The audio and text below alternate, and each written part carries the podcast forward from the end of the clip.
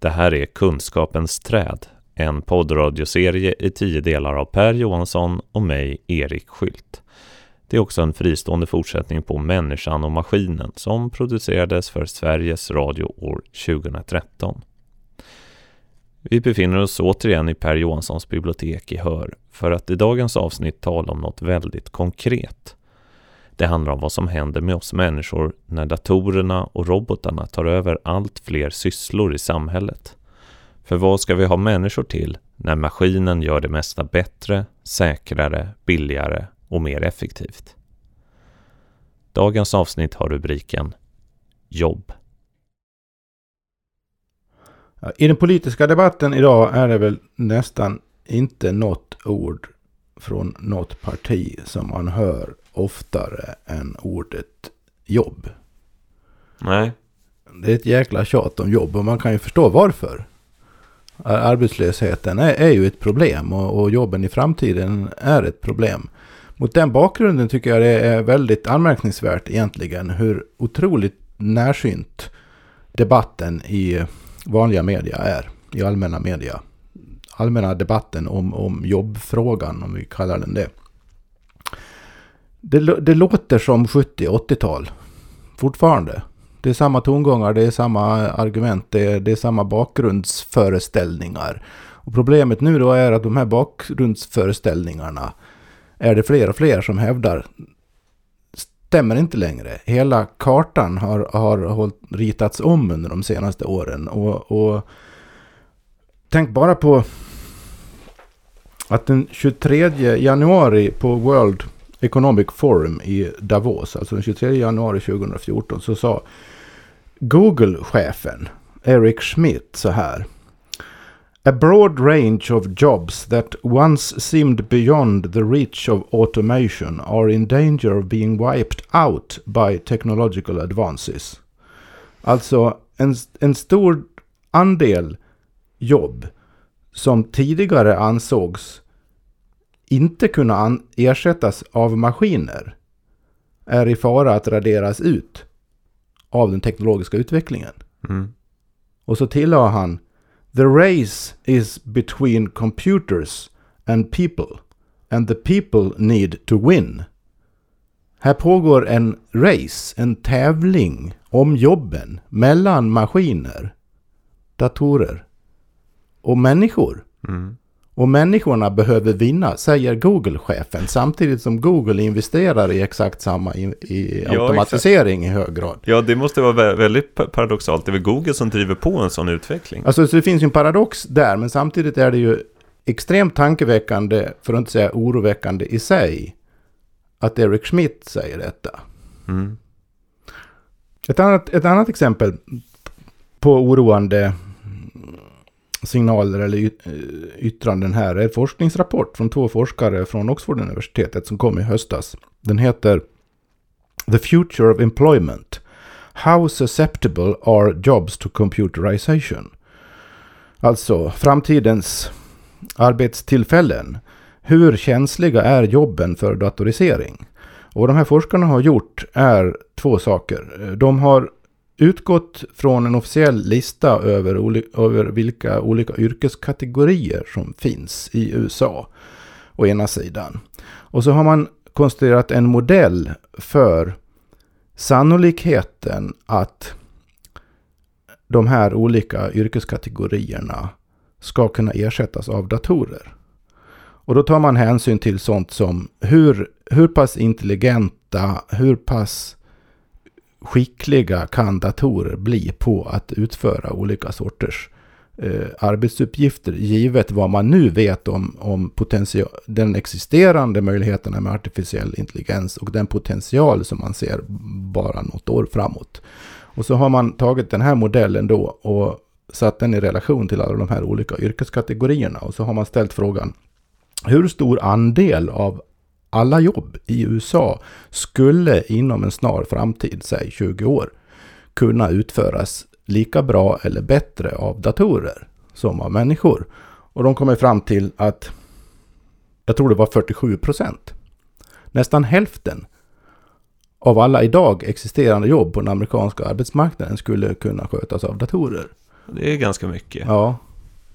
Och då, då, då ska man ha med i beräkningen att tendensen att faktiskt ersätta människor med datorer eller maskiner. Det kan ju vara robotar. En del, en del mänskliga jobb kan använda, ersättas av program, mjukvara. Andra ersätts av robotar, alltså fysiskt aktiva maskiner. Och gränslandet där är lite flytande. Men om vi säger maskiner helt enkelt. Tendensen har varit under lång tid nu att om man kan ersätta ett jobb som hittills har utförts av människor med en maskin så gör man det. För maskiner har så otroligt många fördelar jämfört med människor från ren produktivitetssynpunkt. Ja, de, de klagar inte, de blir inte trötta, de, de blir nej, inte de sjuka. behöver, nej, precis. De behöver inte sova. Nej. De är alerta hela tiden. Nej. Och det här har ju pågått sedan Spinning Jennys tid. Ja, det på sätt och vis kan man säga att det här är inbyggt i själva industrialiseringsprocessen från början. Men det, det, det speciella med, med datorer då här i sammanhanget, det är ju att de ersätter mentala arbeten Ja, lika mycket som manuella arbeten. ja just det. Och, och trenden nu är snarast att det är en ökande andel av de mentalt krävande arbetena som kommer att ersättas. Medan en, en, en ganska många typer av ehm, manuella arbeten förmodligen aldrig kommer att kunna ersättas. Ett exempel jag har stött på till exempel är bilmekaniker. Datorer, det beror på hur man konstruerar bilarna i och för sig. Men med dagens bilar så, så, så lär det vara svårt att ersätta bilmekaniker med maskiner utan vidare. Det lär också vara, det är också eh, känt att det skulle i princip vara väldigt svårt att ersätta olika former av hushållsarbete med maskiner faktiskt. Ja, precis. Alltså, en kock. Enkla, sånt, ja, ja, Ja, alltså sånt som vi människor har ganska lätt för att göra, har gjort jämt, ja, är ofta ganska svårt att ersätta eh, med maskinellt arbete. Ja. Däremot sådant som vi tycker är jätteavancerat och svårt och som vi kräver långa utbildningar för att lära oss, intellektuella arbeten av olika slag. Det har visat sig bli lättare och lättare då att ersätta med, med, det kan vara med maskiner, det kan vara allt från röntgendiagnostik till lärare. Alltså vissa typer av undervisning. ja. Alltså vi kan, vi kan, ta, vi kan räkna upp några exempel. Vi kan börja med ett eh, lite udda exempel från... Låter som en sorts ytterlighet, men det, det, säger, det säger någonting om, om vad vi kan stå inför här. Empiriska undersökningar har visat att israeliska domare utdelar mildare domar efter lunch. Ja, Och det där är ju inte riktigt rättvist då mot de som döms nej, innan lunch. nej. Så då uppstår ju frågan, varför inte låta en intelligent, ett intelligent och läraktigt datorprogram sköta det här?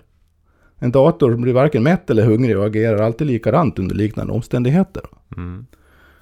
Och, och det låter ju utopiskt va? Men, eh, och, och mig veterligen så har man fortfarande inte ersatt någon domare med en dator. Men om man tittar på rättsprocesser generellt så är det redan nu så att datorer hjälper eh, advokatfirmor att skanna tusentals juridiska dokument vid förberedelserna inför en rättegång.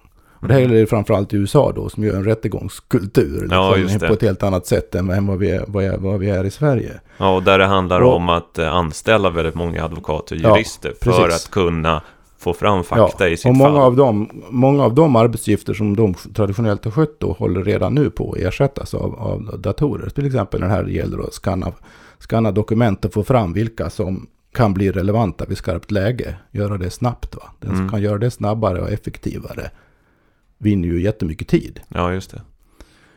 Och, och så det, det, det är ett exempel då på, på hur, hur effektivisering av ett moment i en process gör att jobb försvinner. Ja, Eh, andra områden som redan är datoriserade i hög grad och det kommer att bli ännu mer det är medicinska diagnoser, finanstjänster, större delen av börs, börshandeln är redan helt automatiserad.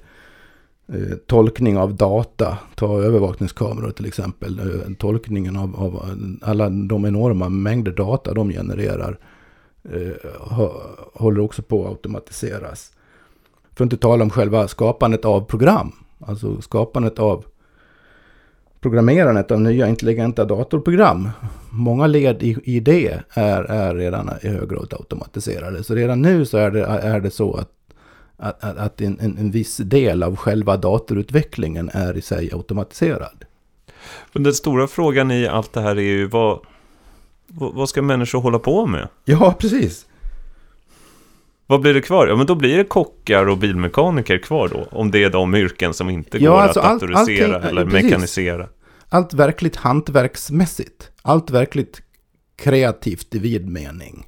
Allt, allt som kräver en, en medveten eftertanke eller sk- skick, in, skicklighet. Som kan hantera eh, växlan, väldigt växlande förhållanden och, Mm. och så vidare. Anpassningsbar bar och, och etc. Eh, Men alltså framförallt eh, brukar man nämna just kreativitet, hantverksmässighet och eh, social kompetens. Mm. Alltså sociala interaktioner. Det är maskiner rätt så dåliga på. Även om, även om det börjar komma till exempel eh, halv, åtminstone halvautomatiserade telefonförsäljare till exempel ja, finns. Ja, Alltså telefonförsäljare är ju redan, även om det är en människa, en väldigt maskinell, ja. Alltså formelartad process, Ja. eller hur? Som de flesta inte ens vill veta av. Nej, man, Och genos... det är ju inget kul jobb heller va? Nej, man genomskådar ju deras protokoll ganska snabbt. Man hör någon som läser lite innantill och sen så förstår man retoriken som någon har lagt upp. Ja, För- så man skulle, man skulle kunna säga det. det. Det är väl ett bra exempel på ett jobb som de gärna får ersätta med en maskin då. För å ena sidan så slipper, slipper människor Ja, ha ett sånt Ja. skitjobb. Å andra sidan så eh, spelar det ingen roll för oss som är mottagare av, av det. För vi blir ju lika irriterade i alla fall. Det spelar ingen roll med en maskin eller en människa Nej. som ringer och vill sälja Nej. strumpor. Eller vad sjutton det är för någonting Nej. va. det här är ju verkligen en stor fråga. För att allting handlar ju om hur, hur mycket man värdesätter något mänskligt. Om man tar det här med mat till exempel.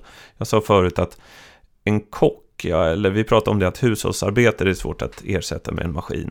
Men mat, om man inte är så känslig för vad man äter, då skulle man kunna leva på färdiglagad mat som man köper i frysdisken hela livet. Den kanske inte är så god, den kanske inte är så, är så nyttig, men den är ju väldigt maskinell. Och Ja hela, visst, varenda led i den produktionen, nästan varenda led är ju, är ju höggradigt automatiserat redan nu. Ja, det är bara att det är någon stackars Allt kyck- från, från, kyck- ja. från uppfödandet av djuren till, till försäljandet Ja, av det, varan. ja, precis. Och just nu så är det ju djuren som är lite kläm för att de lever i stora fabriker och grisen är en stackars mm, trång bur för att fläskfilén ska bli billig. Men menar, det är ju många som säger där att om 20 år så odlar vi bara köttet och så slipper de här stackars liven leva överhuvudtaget. Och sen så, ja, då kan ju det bli en matmaskin. Men det är lite tråkigt om man vill ha någon slags mänsklig förfining eller Ja, bli överraskad i köket eller så. Då, då är det lite tråkigt. ja så det, det är flera frågor som uppstår här som är lika djupgående. Var och en på sitt sätt. En fråga är vil, vilka typer av jobb kommer maskiner inom överskådlig tid att inte klara av? Det är en fråga. Och den är betydelsefull när det gäller att planera utbildning av, av, av ungdomar. Va? Vad är det egentligen man ska lära sig i skolan och på andra utbildningar? För större delen av utbildningsutbudet handlar ju om att förbereda folk för yrkesliv av ett eller annat slag. Ja. Det är ju väldigt liten del av utbildningen som handlar om bara om att lära sig tänka liksom. Ja, i alla bli, fall- bli allmänbildad. ja, i alla fall nu för tiden. Ja.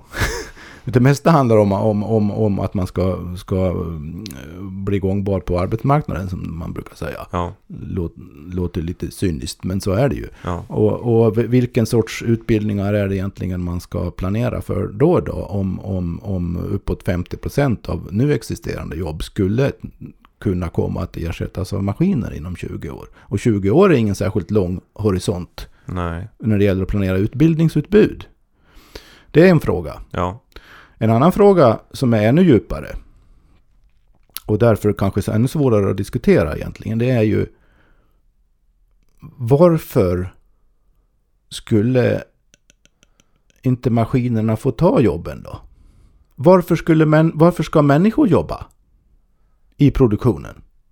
Om man nu kan ersätta en massa med, med, med, med maskiner som ofta gör det både bättre och effektivare och snabbare Ja. utifrån olika kriterier som man redan har.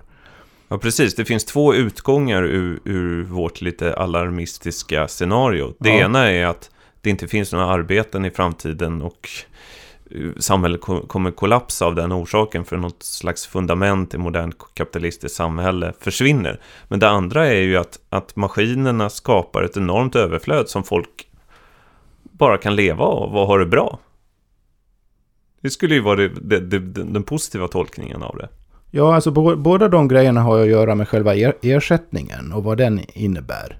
Ja, Men det jag menar är den ännu djupare frågan är vilka jobb tycker vi att en människa bör ha? Även om en maskin också skulle kunna göra det. ja, Det är ju egentligen den viktiga, viktigaste frågan. För den, den första frågan följer av en sorts till synes oåterkallelig accelererande utveckling som det gäller att anpassa sig till. Och, och hitta, på, hitta på sätt att förhålla sig till. Och det kommer man inte att kunna undvika. Den situationen håller redan på att uppträda. Men den, den har som, alltså inte dykt upp i den allmänna debatten än.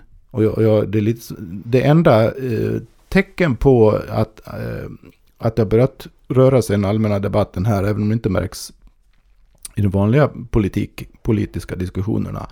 Det är eh, att man har börjat prata om återupplivat det här med medborgarlön eller basinkomst nu. Om produktiviteten nu då ökar och blir mer och mer effektiv. Varför inte garantera en sorts minim, minim, minimiinkomst till alla medborgare i Sverige? Så, så att de slipper oroa sig för hyra och mat åtminstone från månad till månad.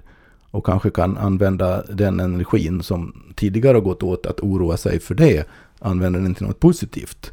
Då får man ju tro lite gott om människorna då, då att de inte kommer att sluta vilja göra någonting vettigt. Bara för det. Och den där tanken bryter ju helt mot, mot någon slags allmänpolitisk debatt där jobbet är eh, lyfts fram som den stora politiska frågan men också den stora medborgerliga plikten eller det som gör dig till en, Ja, till en människa. ja, Hela din precis. identitet är ju i arbetet. Ja, Det är därför folk lider så mycket av Ja. arbetslöshet. så hur, då kan man ju fråga sig vad är ett jobb? Vad, hur, ska man, hur, hur, hur ska man definiera, vad, vad är definitionen av ett jobb eller ett arbete egentligen? Är, är det att man är en kugge i produktionen? Eller är, är det att man är en lönearbetare? Är det att, man, är det att någon, någon, någon annan säger till dig att du ska göra en sak och så får du betalt för det? Det är ju det. Är ju, det, är ju det.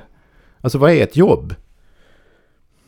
Det, det, en annan syn är ju att arbete är, skulle kunna vara något mycket mer kreativt än det är traditionellt i industrisamhället. Att, att, att en medborgare, en garanterad medborgarlön, basinkomst, skulle kunna främja en massa nya typer av mänskliga verksamheter som inte är inriktade på att bara försörja sig Nej. och sin familj. Utan på att skapa någonting, åstadkomma någonting. Nya sociala mönster skulle kunna uppstå. Och, men problemet där är ju att det utmanar ju hela logiken bakom det produktionskonsumtionssystem som vi har. Som industrialiseringen och moderniseringen faktiskt innebär. Utmanas ju i sina fundament Mm. i sina ideologiska fundament av tanken på en basinkomst eller en medborgarlön. Där, där uppstår, där tror jag de, de, de problemen med den Ja, för, med, idén kommer att uppstå. Va? för medborgarlönen förutsätter väl att man tar pengarna någonstans ifrån. Och antagligen via en ganska hård beskattning av, av den här typen av maskinell verksamhet. Ja, Eller hur? ja. men samtidigt får, kommer, kommer man i vilket fall som helst, vilket fall som helst att få ett problem eh, när det gäller förhållandet mellan produktion och konsumtion. För att om produktionen, och det här är ju ett känt, gammalt känt problem i, när det gäller industrialismen egentligen, som blir, blir mer akut då, skulle kunna bli. Att, att ju effektivare produktionen är, ju billigare varorna blir, ju fler varor man kan producera, eller tjänster som det också kommer att, håller på att bli nu då, med automatiserade tjänster. Då betyder det att de som, som äger produktionen tjänar mer och mer pengar. Ja. Men om, om fler och fler i och med det inte får några jobb, det vill säga inte tjänar några pengar, vem ska köpa alla varorna och tjänsterna då? Nej, just det. Då finns det ingen marknad. Så, så det, det finns ju också en, en, en möjlighet att, att själva marknaden urholkas här. Och det här visste väl Marx redan på 1800-talet? Ja, det här är ju en gammal, gammal insikt såklart. Jag menar, det, en av de påtagliga första konsekvenserna av den första industrialiseringsvågen, det var ju en just ökad effektiviserad produktion. Och, och, vilket ledde till över, överproduktion egentligen. Alltså det fanns mer att köpa än vad det fanns köpare till. Och så hur löste man det? Jo, det är, det är upphovet till den moderna marknadsföringen och reklamen. Föds i det ögonblicket. Mm. För att stimulera konsumtionen. För det, det är ju i grund och botten konsumtionen som driver produktionen. Just det. Så att om vi skulle ha en, en fabrik, vi säger Volvo, där de alldeles nyligen drog ner med 4 000 jobb och, och eh, då fick cheferna frågan, hur kan ni göra det när ni ger så mycket aktieutdelning? Jo, men det är för att vi har lyckats effektivisera. Det är inte för att det går dåligt. Det är mm. inte det som är grejen. Det är för att vi har lyckats effektivisera produktionen så mycket så att 4 000 behövs inte. Men då, i det långa loppet, om vi då ser Ja, nationalekonomiskt innebär då 4 000 färre konsumenter. Ja, exakt. Och till slut så är det kanske en stor fabrik där det finns en ägare och en som trycker på startknappen på morgonen och sen så gör den där Volvo-bilar av sig själv liksom. Det kommer automatiserade långtradare med järnmalm in och reservdelar eller vad det nu är. Och sen så bara sätts det ihop och så står en ny V70 där. Mm. Efter några timmar. Och det är sant, då behövs det ju om alla runt omkring fabriken är arbetslösa så kommer ju ingen kunna köpa den. Det är ju bara den som äger som kommer kunna köpa 200 bilar, men vad ska de med dem till? Ja, där, där, ja, har, alltså, vi, där har vi ju helt ja, klart ja, men alltså den, den, problematiken är ju klassisk. Och den problematiken i sig är ju föremål för, för nationalekonomisk diskussion. Det, så, så, och den är inte ny heller. Utan det, det, är ju, det, det, är ju den diskussion som ekonomisk-politiska diskussionen har, kärnan i den har varit hela tiden. Det nya nu är ju de frågor som uppstår när så många mänskliga arbetsuppgifter lika gärna skulle kunna, med betoning på skulle kunna utföras av en maskin. Mm, just det. För, för, det är där den verkliga, ny, verkligt nya, den verkligt svåra frågan kommer att uppstå. För, för som jag sa innan, då måste man börja tänka, vad är det vi som människor tycker att vi vill göra, ha kontroll över? För att vi är människor och för ja. att det vi gör ska gynna människor. Ja. Och om vi låter maskiner ta över mer och mer av det, vad, vad får det för konsekvens? Ja, det, en konsekvens kan ju bli att vi blir tvungna att anpassa oss till dem. Vilket ja. vi ju redan är i rätt stor utsträckning. Men det kommer ju bli ännu mer så då. Ja. Och det är det här som Google-chefen är orolig för. Ja. Det, det, är min, min tolkning. Men är det inte något av det nya är också att tidigare under industrialiseringen, när de här effektiviseringarna sker, så är det någon typ av arbetarklass som drabbas. Alltså de som utför ett hårt kroppsarbete. Ja. Men nu i och med att då datoriseringen... Så är det ju nu, nu det är ju fortfarande så. Alltså. Ja, precis. Ja, det är fortfarande. Men datoriseringen leder väl till att mer och mer avancerade uppgifter... Ja, visst. Det urholkar medelklassjobben kan man säga. Just det. Mm. Och de urholkas ju också av andra skäl redan. Ja. Men jag minns ett exempel som du och jag talade om för länge sedan som handlade om piloter. Ja. Och det är ganska intressant. För där får man ju ibland höra, jag hade en kompis vars, vars pappa jobbade som pilot också. Så frågade jag, men vad gör de under de här långa flygningarna? För han flög mellan, mellan Stockholm och New York. Nej, men de sitter ju mest och övervakar och löser sudoku. Ja, precis. Det är ju liksom, de gör ju inte så mycket, det är ju autopilot. Mm. Sen så landar de och, och startar ibland, för de behöver göra det några gånger, ganska många gånger per år för att, för att hålla det vid liv. Men den, flygplanet skulle kunna landa och starta av sig själv. Mm. Så egentligen är de bara några avancerade liksom, kontrollanter som sitter där framme. Men som passagerare så skulle man ju bli livrädd om man hörde i det här utropet att det här är ingen riktig kapten idag. Det är faktiskt en förinspelad röst som säger eh, du flyger nu med, jag heter kapten det och det ja. och eh, så bara, nej men det är en robot som pratar här. Mm. Då skulle ju folk hoppa ur flygplanet, eller hur? Ja, Nästan det- i alla ja, fall. men jag, det- tror, jag det- skulle nog göra det. Jag tror inte jag skulle vilja å- våga åka med det automatiserade flyget mellan Stockholm och New York. Nej, och det intressanta där är att det är ju ingen, din tveksamhet där är ju, har ju ingen i ett snäv mening rationell grund egentligen. Nej, det. Eftersom det i de allra flesta fall inte, förmodligen faktiskt inte skulle spela någon roll huruvida det var en mänsklig pilot eller inte. Rent flygtekniskt Nej, det finns och- säkert sån eller ens säkerhetsmässigt. Nej, precis. Ja, det finns säkert statistik som, som stödjer att en automatiserad flygning skulle vara bättre. Men ta då, ta då ett, ett närliggande exempel. Det kommer fler och fler självkörande bilar nu. Google har ju känd producent av en av de senaste modellerna här när det gäller bilar som kör själva. Det Ja. vill säga bi, bilar som klarar av bil, ja, bi, bilkörning, alltså transporten från eh, punkt A till punkt B i trafik. Lika bra eller till och med bättre än mänsklig förare. Ja, Vad, skulle, vad kommer det här att innebära för bilkörningen i framtiden? Säg att det faktiskt kommer att bli, vi kommer att hamna i det läget att man kan tillverka en bil som kör bättre än en människa, säkrare än en människa, hittar vägen bättre, drar mindre, därmed mindre bränsle och så Ja. vidare. Undviker olyckor mycket bättre. ja, Ja, vad kommer försäkringsbolagen att säga? De kanske kommer att, du kommer kanske behöva betala extra bonus om du vill köra själv. eller, eller extra avgift om du vill köra själv. Ja, just det. Och då är vi där, det, det är ett väldigt konkret exempel igen då på den här frågan. Ja, men vad... Vill vi inte köra bil då? Ja, men tänk så många människor det är som tycker det är kul att köra bil. Ja, Det är ju helt irrationellt. ja. Men tänk alla tunga lastbilstransporter. Ja, Där folk sitter nu från, kan köra från Stockholm till, till Italien fram och tillbaka med massa grejer. mm. Tänk att få automatisera det. ja då försvinner de jobben. Ja, då, exakt, då försvinner de jobben. Men det är ju inte världens roligaste jobb. Det är det inte. Taxibilar och samma sak, det är ganska hårt jobb. Mm. Man måste jobba otroligt långa dagar och mycket väntan, helt ineffektivt. Mm.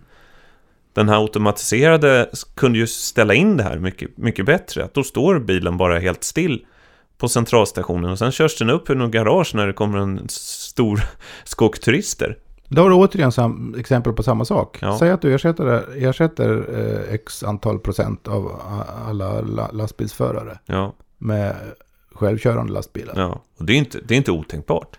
Nej, det, precis. Vad, vad, vad ska de göra då?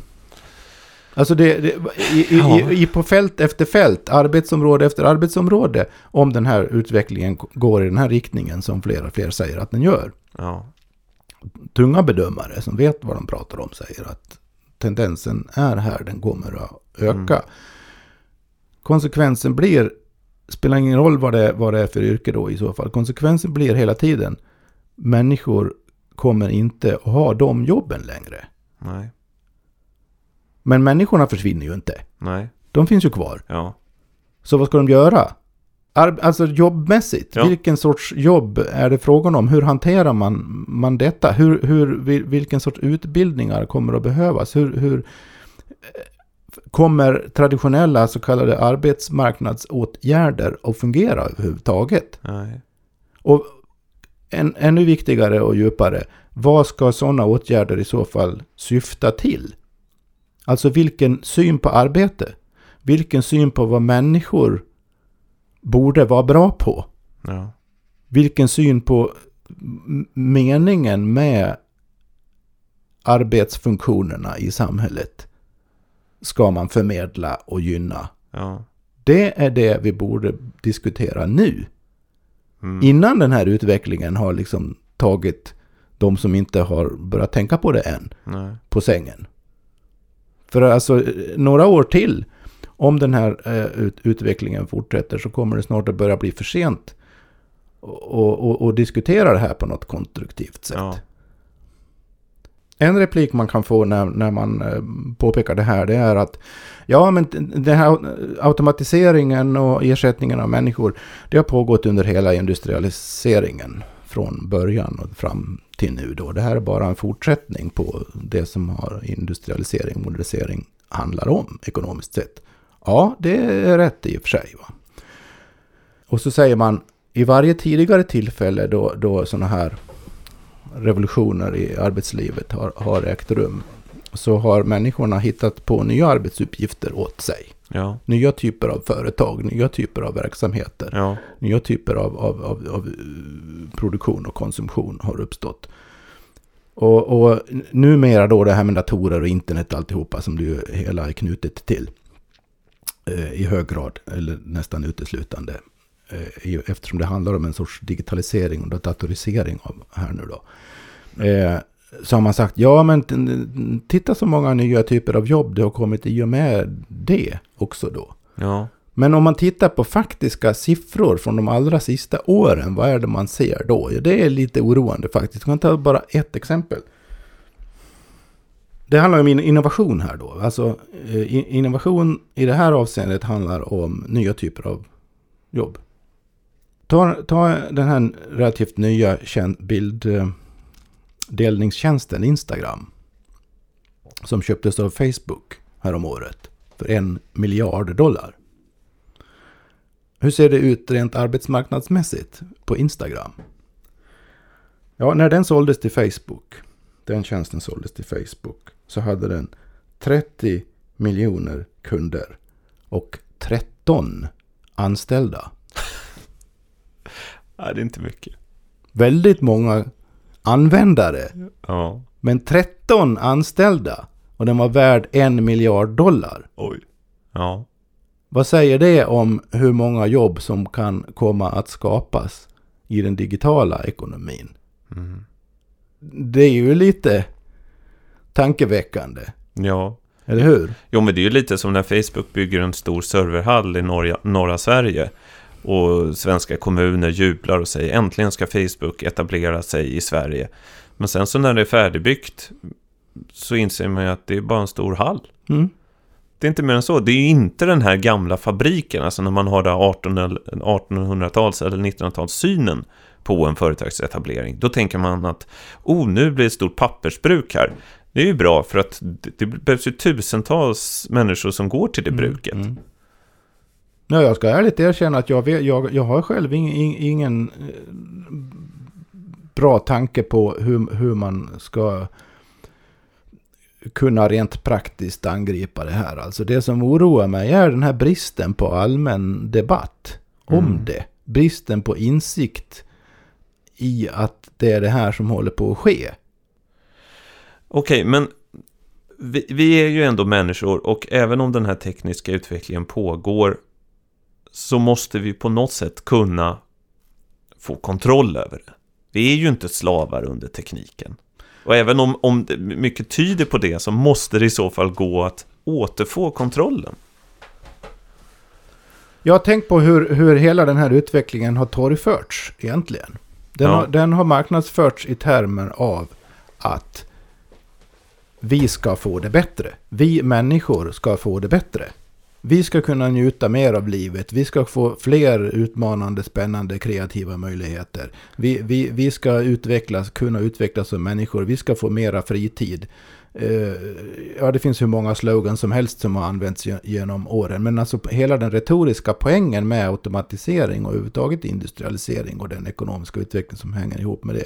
Hela retoriken kring det riktat till oss som människor är och har alltid varit att meningen med det är att vi som människor, familjer, sociala gemenskaper, äventyrsmöjligheter, vad du vill. Allt det ska, hela den sidan av, av, av våra liv ska främjas. Ja, Om, om, om, om den då inte gör det, vad, vad är felet?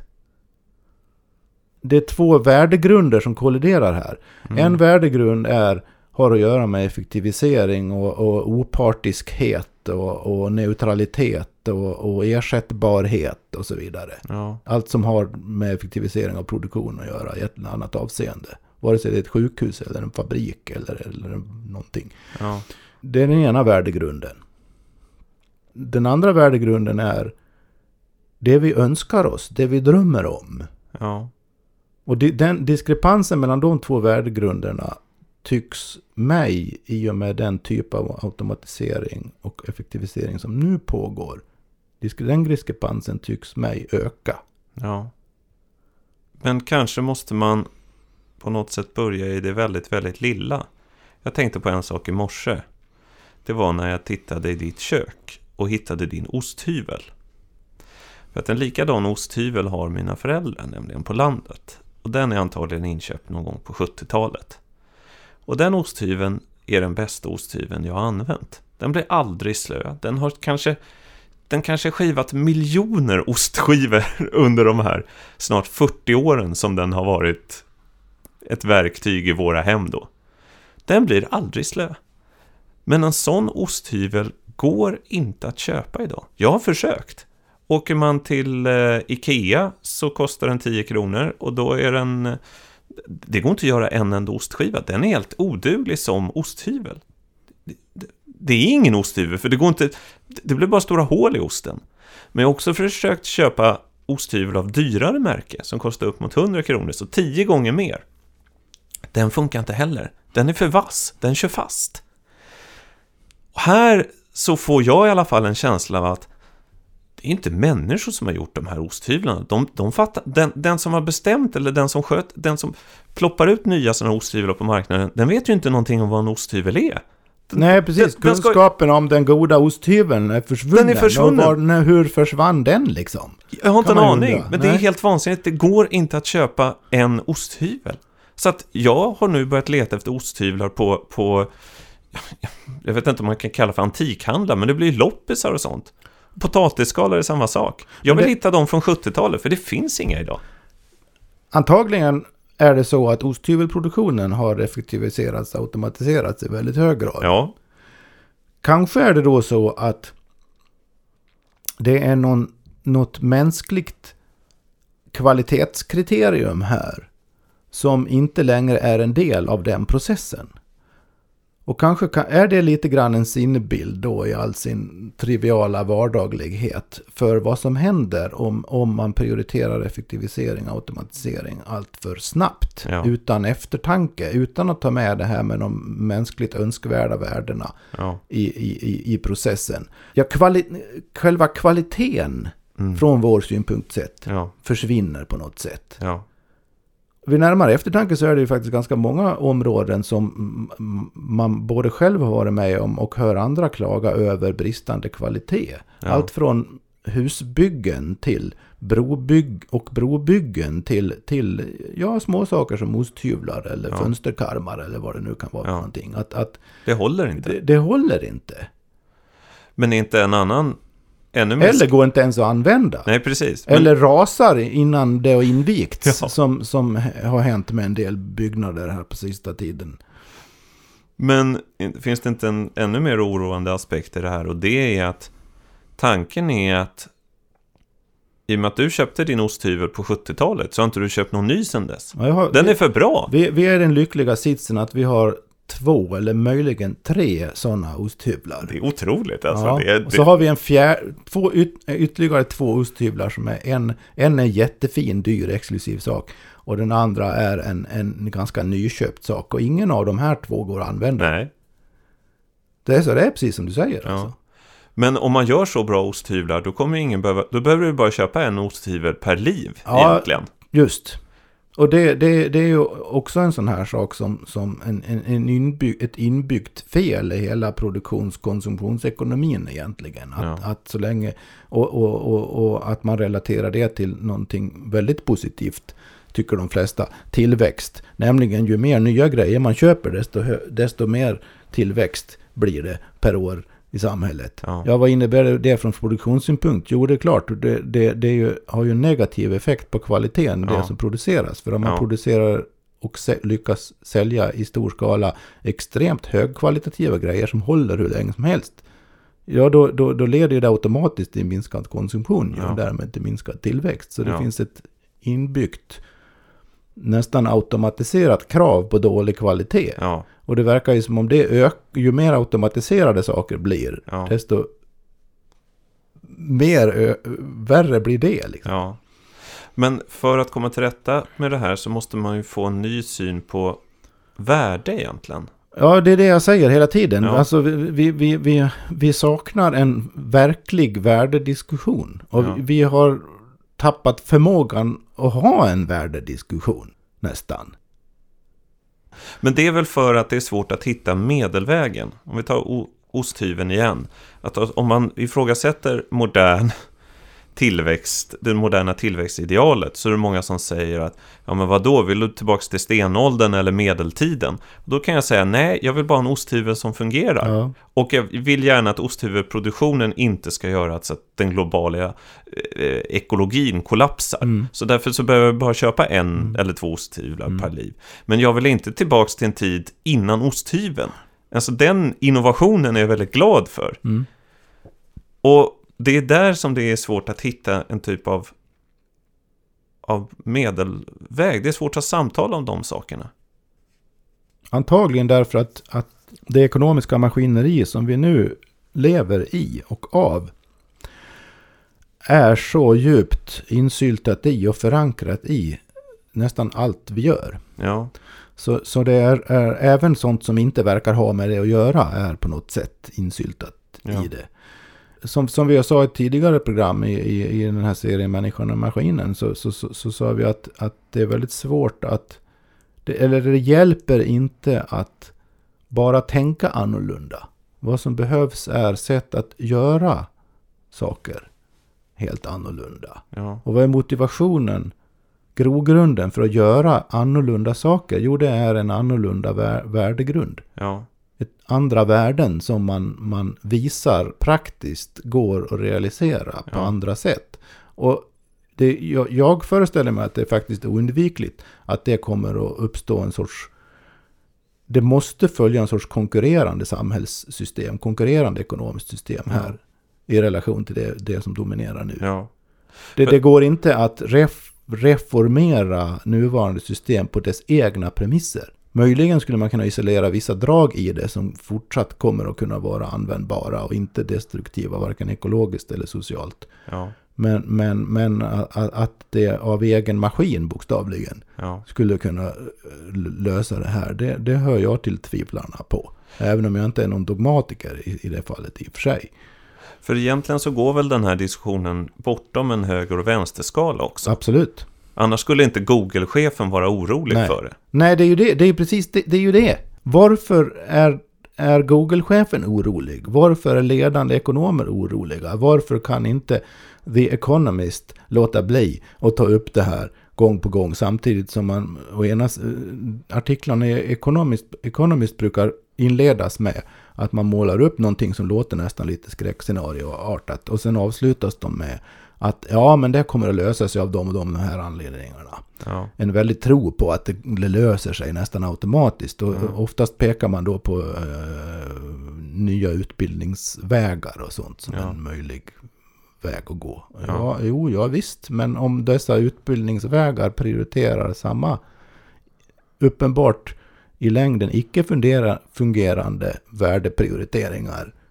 Ja, För till slut finns ju en risk att vi dränks i en massa varor som absolut ingen vill ha. Jag menar, även den mest rika kapitalist vill väl ha en osthyvel som fungerar. ja, Eller hur? ja. Eller ett hus som håller mer än fem år. Eller ett kök där kranarna sitter kvar mer än tre år. Ja, eller varför, inte, varför skulle det inte vara bra att behöva att slippa byta bil var femte år eller någonting? Bara för att bilen är byggd så att elsystem och annat slutar fungera pålitligt. Jag har en kompis vars syster är skomakare. Och med henne pratade jag för några år sedan och frågade vad, vad kostar egentligen ett par skor på ditt ganska så fina skomakeri? Och då sa hon att jo, men ska du ha ett par riktigt bra skor, då kostar de 20 000. Det är Wow. väldigt mycket alltså. Ja, Det får du 20 par hyfsat bra skor. visst. Men då sa hon också, nej men så här går det till då. Då kommer du till oss, så måttar vi din fot. Och tar god tid och ser vad du har för fötter. Och fötterna växer ju inte så mycket så att det är ju bra. Liksom, det, det, det här ska man göra grundligt. Sen kommer du tillbaka tre gånger medan man gör skorna. Och eh, vi kollar så att det verkligen sitter riktigt bra. Alltså. Det gör sig absolut bästa läder, det bästa, bästa liksom, material de kan hitta. Och sen så ingår när man köper de här att så länge skomakeriet finns kvar så kan du gratis komma och laga dem. Det ingår liksom. Så tanken är att om man köper ett par skor där i 30-årsåldern då ska man kunna gå i dem varje dag tills, ja, i princip livet ut. Det är som förr i tiden med andra ord. Det är som man förr i hade, tiden. hade ett par skor och en rock Ja, och så vidare. och om man inte tittar på sådana moderna, eller inte moderna, men sådana saker som mo, modets nycker, så börjar man tänka att den där investeringen kanske ändå inte är helt dålig. Jag menar, varför ska jag lägga tid på... Jag köper ungefär likadana skor år efter år faktiskt. Min smak ändras inte. Nej, samma här. Och de här skorna är riktigt, riktigt fina. Och lädret är så gjort så att om man sköter det och smörjer in det och tar hand om det som det ska, då kan det hålla så här länge. Den kan hålla 40 år alltså. Men om alla skulle tänka så här och köpa de här skorna, då skulle vi få en helt annan ekonomi. Ja, det skulle bli en enorm arbetslöshet i skoindustrin. Ja, och det skulle behöva utbildas... Som inte skulle ha, varav inga skulle ha råd att köpa de skorna. Ja, precis. Och det skulle behövas utbildas enormt många skomakare i något slags avancerat lärlingssystem. Ja, alltså så ser man, ser man när, så fort det blir så konkret så Ja. förstår man att det i praktiken är otroligt svårt och på kort sikt helt omöjligt att ändra någonting. Ja, Så det enda, enda, jag ser bara från min lilla horisont liksom två möjligheter just nu. Det, det ena är, är att verkligen etablera den här värdediskussionen jag efterlyser. Det andra är att alla som känner för det och har kapacitet till det eh, utvecklar alternativa sätt att göra saker, allting på. Och vilka av de alternativa sätten som kommer att, att kunna växa till och verkligen kunna ersätta nuvarande system på lång sikt, det, får, det kan ju bara tiden utvisa. mm. Det går inte att fördefiniera vad som skulle kunna komma att fungera. Ju fler alternativa möjligheter som redan nu prövas av alla möjliga skäl och på alla möjliga sätt, desto bättre. Och att de håller sig, helst håller sig så långt borta från de automatiserade systemen som möjligt. Så får, så får, vi ju, får vi ju säga helt enkelt. Det, en, det finns ju också reellt katastrofala möjligheter. Nuvarande ekonomisk-tekniska systemet kanske faktiskt bokstavligen kollapsar. ja, Sönderfaller i sina beståndsdelar. Ja. Och då står vi där. Och det enda vi har är de här skomakarna. ja, Och andra hantverkskunniga. Och, och alla andra får, alltså. Det går inte ens att föreställa sig vilka konkreta utmaningar vi Nej. kommer att ställa sig för i ett sånt läge. Men det är ju inte, det är inte helt omöjligt att det inträffar. Men om vi antar att det inte inträffar då. Så, kom, så kommer ju det nuvarande sättet att göra saker på ändå inte att kunna fortsätta. nej, Inte minst av ekologiska skäl och, och, och lika hög grad av sociala skäl. mm. För man kan ju tänka på den här skohögen med 20 par skor som bildas, eller 40 par skor som bildas medan den här personen som köpte hos skomakaren Ja. bara går omkring i sina under Ja, 40 år. Ja, Det är ganska mycket av jordens resurser och precis. som behövs för att göra de där 40 ja. par skorna. Först ska de tillverkas och det ska vara gummi och grejer och läder eller vad det nu är. Och sen så ska de bara brännas upp. Ja, och tänk dig då, tänk dig då att det, det gäller allt du köper nästan. Vilket enormt svinn i en viss mening Ja, vi hela tiden lever av. Ja. Vi lever av svinnet snarare än av produktionen på ett sätt. Det är sopproduktionen av avskräde som, som försörjer oss. precis. Och de, de, de prylar vi köper idag är ganska nära soporna redan. Ja. Till slut så kanske vi bara köper sopor. Jag menar, det går att använda saker en enda gång och sen är det kört liksom. Men för att konkretisera det här mot slutet. Är maskinerna eller den här typen av maskinlika processer är det våra fiender? Var kommer maskinerna ifrån egentligen? De kommer från oss, eller hur? Ja, De är vi. Alla existerande maskiner, alla existerande ekonomiska system och innovationer kommer från oss. Och så realiseras de i yttervärlden och så får vi leva med oss själva. Det vill säga konsekvenserna av just den delen av oss. Så vad, vad vi egentligen står inför här är ju en konsekvens av en mänsklig potential. Och så just den mänskliga potentialen då realiserad i den här massiva globala skalan verkar ha en del oönskade effekter, för att inte säga ganska många oönskade effekter. Även, även de som förespråkar den ser ju naturligtvis de oönskade effekterna och då, då blir uppgiften att försöka mildra dem då, men inom samma logik. Men, men som sagt, det, vad det här handlar om är att vi konfronteras med en mänsklig sida av vad vi är som människor. Och är, är det så att den sidan hotar eller förminskar eller försämrar eller stör andra sidor av oss som vi i grund och botten kanske värdesätter mera eller högre. Då, då är det ju nästan en sorts psykosocial problematik det här snarare än en ekonomisk. Mm. Återigen hamnar vi då i, i, i frågan om, om värden. Och frågan är om det är någon, egentligen handlar om någon annan värdehierarki när det gäller teknik och ekonomi än det handlar om när vi pratar om våra vanliga vardagliga värden som människor. Det, det, det är sa, egentligen samma, två sidor av samma sak. Mm. De återspeglar varann. Vad ska vi göra då? Ja, å ena sidan kan man ju säga att vi har, inte, vi, vi, vi har väl inte nu då när vi har pratat skyggat för svåra problem direkt. Men vi har i, å andra sidan inte lyckats göra så mycket mer än att konstatera vilka svåra problem vi har här egentligen. Både emotionellt och intellektuellt och existentiellt och ekonomiskt och tekniskt och gud vet vad. Mm. Eh, men, men vi, vi, det finns liksom ingen, ingen lyckligt slut än på den här berättelsen. Vi, kan inte ta, vi, vi varken kan eller vill tala om hur det borde vara på ett sätt. För att det, det, finns ju en risk det här också. Ja, men man konstaterar det är fel och det är fel och det går åt skogen och det här, det här kommer aldrig hålla i längden och så vidare. Den ena negativa domedagsprofetian efter den andra kan man ju hålla på att räkna upp. Och många av dem och allt fler av dem håller på att bli lite väl oroande sakliga. Liksom. Det är den ena, ena sidan av saken. Risken är ju då att det eh, i det läget, och det kan vi redan se tecken på tycker jag, eh, uppstår alla möjliga tvärsäkra lösningar på problemen. Ja, men gör vi så här, tänker vi så här, organiserar vi oss så här, lyder vi detta så kommer det att lösa sig.